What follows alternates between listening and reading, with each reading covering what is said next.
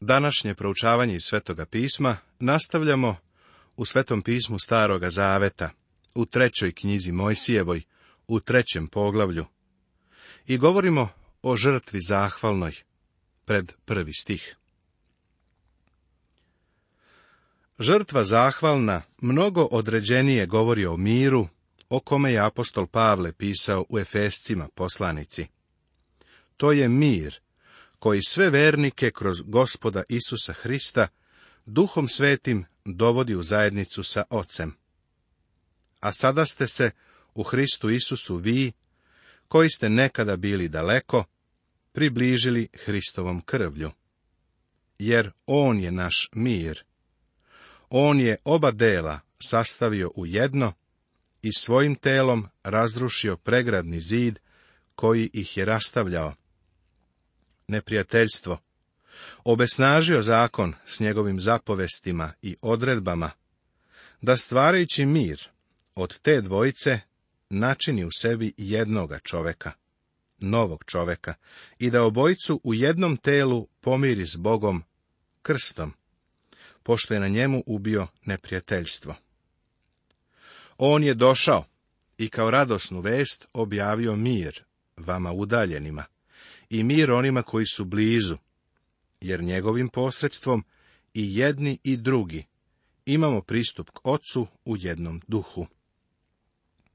Tako dakle, niste više tuđinci i došljaci, nego ste sugrađeni svetih i domaći Božiji, nazidani na temelju apostola i proroka, a ugao ni temelje sam Hristos, na kome je sva zgrada sastavljena te izrasta u sveti hramu gospodu, na kome se i vi u duhu zajedno uziđujete u stan Božiji.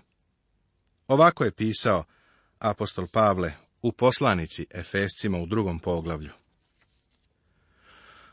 U ovoj zahvalnoj žrtvi izmirenja naglasak nije na miru koji je on postigao svojom krvlju na krstu, nego na miru koji je on sam zbog krvi prolivene na krstu on je mesto susreta svih vernika i mesto susreta svakog vernika sa Bogom Ocem.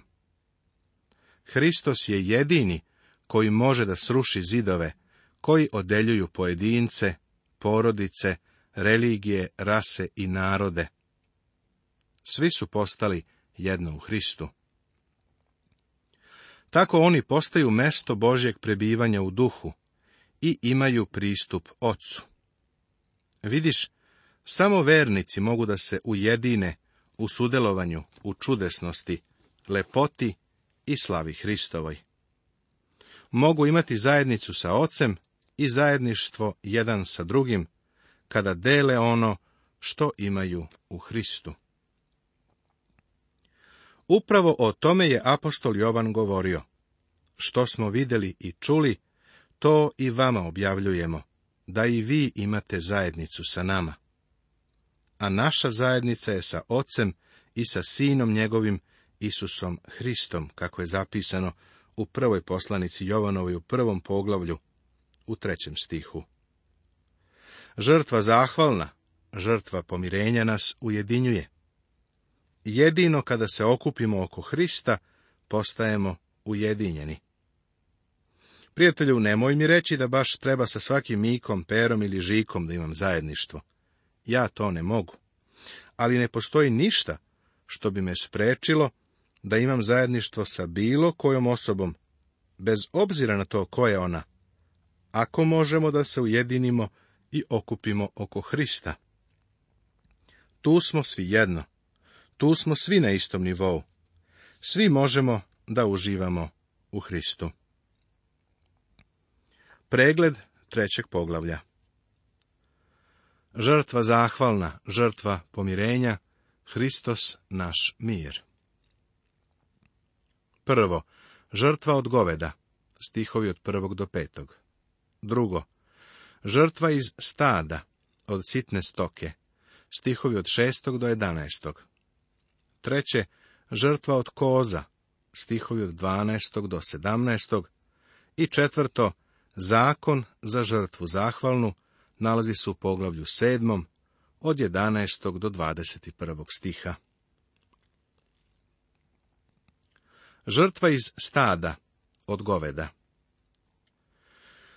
Kad ko prinosi žrtvu zahvalnu, ako od goveda prinosi, muško ili žensko neka prinese zdravo pred gospodom. Žrtva zahvalna je u izvesnom smislu sveobuhvatna. Grešnik može da pristupi Bogu zato što je Hristos doneo mir svojom krvlju na krstu. Također, postoji zajednica i zajedništvo sa Bogom na osnovu mira postignutog krvlju Hristovog krsta. Hristos i njegovo delo otkupljenja su potpuno dovoljni za mir. Međutim, naglasak koji postoji u žrtvi zahvalnoj je na zajednici. Šta evanđelje poručuje grešniku? Pa to izgleda ovako. Bog tebi i meni kao grešnicima ovako kaže. Izgubljen si. Otuđio si se od mene, pa ću morati da ti predam večnoj tami. Kad bi Bog to uradio, bio bi isto tako pravedan i svet. I svi anđeli u nebu bi pevali hvalu njegovom imenu.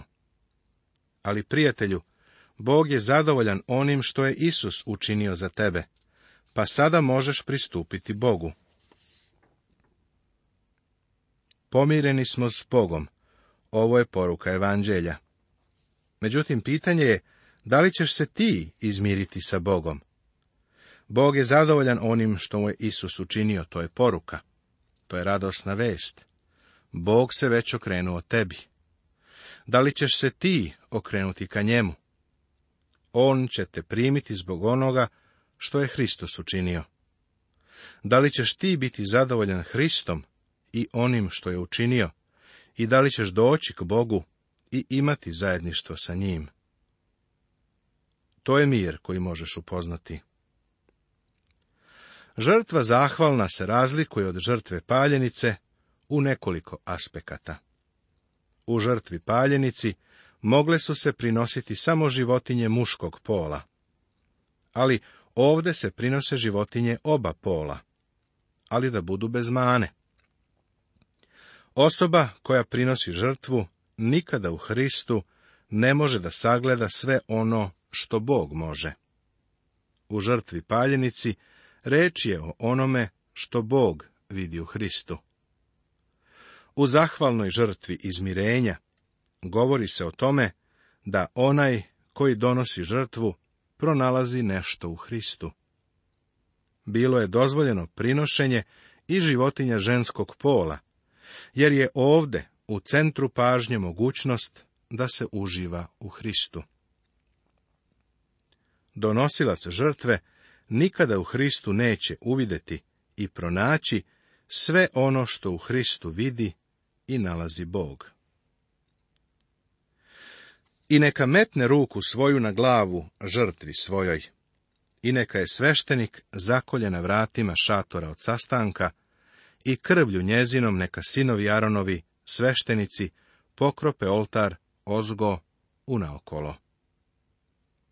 Sve do ovog momenta duplicira se ili kopira žrtva paljenica. Potom neka sveštenik prinese od žrtve zahvalne ono što se pali gospodu, salo što pokriva creva i sve salo što je na njima. I oba bubrega i salo što je na njima i na slabinama, i mrežicu što je na jetri neka je izvadi s bubrezima. Ovde se primećuje kontrast sa žrtvom paljenicom. Kod žrtve paljenice sve je polagano na oltar. Kod žrtve zahvalne prinošen je samo deo. A taj deo je specifično određen. Bio je to izabrani deo, koji je sadržavao salo i unutrašnje delove. Ovo govori o sakrivenim bogatstvima, dragocenim vrlinama, neprocenjivim vrednostima Hristovog karaktera, koje samo Bog poznaje. Ponekad samo voljena osoba poznaje pravu vrednost velikog čoveka, koji je javno gorko napadnut. Na početku moje službe upoznao sam se sa jednim velikim propovednikom, pa sam se sprijateljio sa njegovom porodicom. On je posle bio napadan i vrlo ružne stvari su govorene o njemu. Njegova porodica i ja smo znali da su to laži. Isto tako, mnoge netačne stvari su rečene o Hristu. Tako, mnogo ljudi kaže, ne razumem ovo, ili ono o Hristu. Prijatelju, u vezi sa njim ima mnogo stvari koje ni ja ne razumem, ali Bog ga poznaje. Bog u njemu vidi više nego što možemo vidjeti ti i ja. Bog vidi unutrašnje delove. Mi jednostavno Hrista ne poznajemo dovoljno. Zato je apostol Pavle vapio, da mogu da upoznam njega i silu vaskrsenja njegova i zajednicu njegovih muka. I neka to zapale sinovi Aronovi na oltaru zajedno sa žrtvom paljenicom, koja bude na drvima na ognju. To je žrtva ognjena na ugodni miris gospodu. Vatra bi sagorila žrtvu i to nam ukazuje na Hristovo potpuno predanje, i na njegove ljudske kušnje i patnje. Ovde se specifično stavlja naznak na ugodni miris gospodu. I dalje je akcenat na osobi Isusa Hrista, a ne na njegovom delu. Sagledava se njegov savršeni život, a ne njegova smrt za grehe sveta. Čak i ona prva tri sata na krstu, njegova patnja je bila u rukama ljudi. U posljednja tri sata na krstu, krst je postao oltar na kome je sin Božiji prinesen. Tama je od očiju ljudi sakrila ta posljednja tri sata, kada je Bogu bilo ugodno da Hrista bije, da ga stavi na muke, kada je on svoju dušu položio kao žrtvu za greh kako je zapisano u knjizi proroka Isaije u 53. poglavlju u 10. stihu. Primeti da se žrtva zahvalna polagala sa žrtvom paljenicom. One idu zajedno da bi se stekao potpun uvid u unutrašnje vrednosti i slavu Hrista. Žrtva iz stada, sitne stoke. Ako li od sitne stoke prinosi na žrtvu zahvalnu gospodu, muško ili žensko neka prinese zdravo. Ako prinosi jagnje na žrtvu, neka ga prinese pred gospodom. Jagnje na poseban način prikazuje Hristov karakter, pa je prema tome neobično podesno kao žrtva zahvalna. Suprotno govedima ili junicama, pokazana je ona strana službe ili služenja našega gospoda. Govedo je bilo domaća, pripitomljena životinja, korišćena za nošenje tereta i oranje njiva. Također je govedo predstavljalo prevozno sredstvo i korišćeno je za trgovinu u to vreme. Govedo je bilo sluga i čovekov prijatelj. Ono predstavlja Hrista kao slugu. To je aspekt Hristove službe koji nam iznosi Markovo evanđelje. Treba istaći da Hristos kao sluga nije bio momak za sve, čistač cipela ljudima. Markovo evanđelje nam ga predstavlja kao Božijeg slugu. On je došao da ispuni Božju volju. Međutim, jagnje nam predstavlja Hrista u njegovoj potpunoj identifikaciji sa čovekom u životu i smrti. Da li si to ikada primetio? Na početku njegove službe, Jovan Krstitelj je ukazao na njega kao na jagnje Božije, koje uklanja grehe sveta. Ovo se odnosilo na njegovo delo. Kasnije je on rekao, gle, jagnje Božije. Evanđelje po Jovanu prvo poglavlje je to zapisalo, ukazujući na njegovu ličnost. Od samog početka jagnje je pokazivalo njegove vrline i sposobnost da zauzme mesto čoveka i ponese grehe sveta. Prva žrtva koju je prinao Avelj bila je žrtva jagnjeta. Mislim da je Bog odenu Adama i Evu jagnjećom kožom. To ne mogu da dokažem, ali verujem tako s obzirom na činjenicu da je Avelj prineo jagnje. U knjizi proroka Isaije u 53. poglavlju nam se jasno pokazuje da je Isus Hristos bio zamena za nas i da je tako poneo naše grehe i prestupe. Kao jagnje na zaklanje vođen bi i kao ovca nema pred onim koje striže, ne otvori usta svoja. Oslikan je kao jagnje.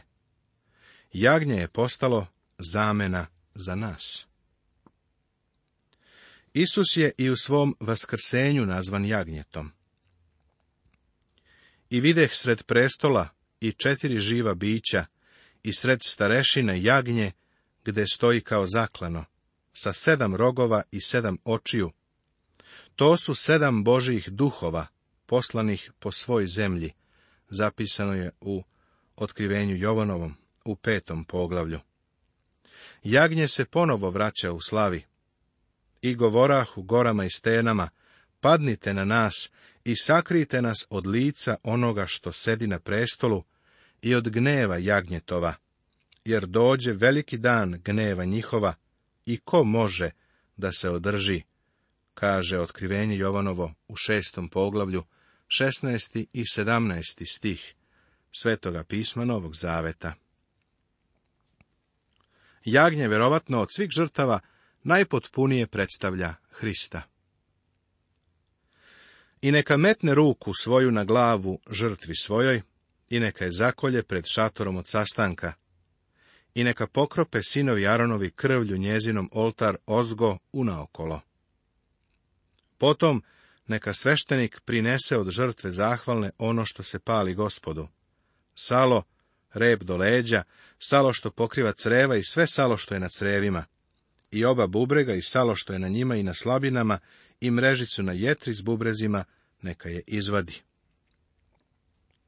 Ritual je bio sličan onom ritualu datom u vezi sa govedima. Salo je bilo Božiji deo. Smatrano je boljim delom životinje. Nagojena životinja sa salom smatrana je najboljom vrstom, a Bogu je trebalo prinositi samo najbolje. Mnogo je odeljaka koji pokazuju šta je smatrano najboljim. Idite i jedite pretilo i pijte slatko, kaže prorok Nemija u osmom poglavlju.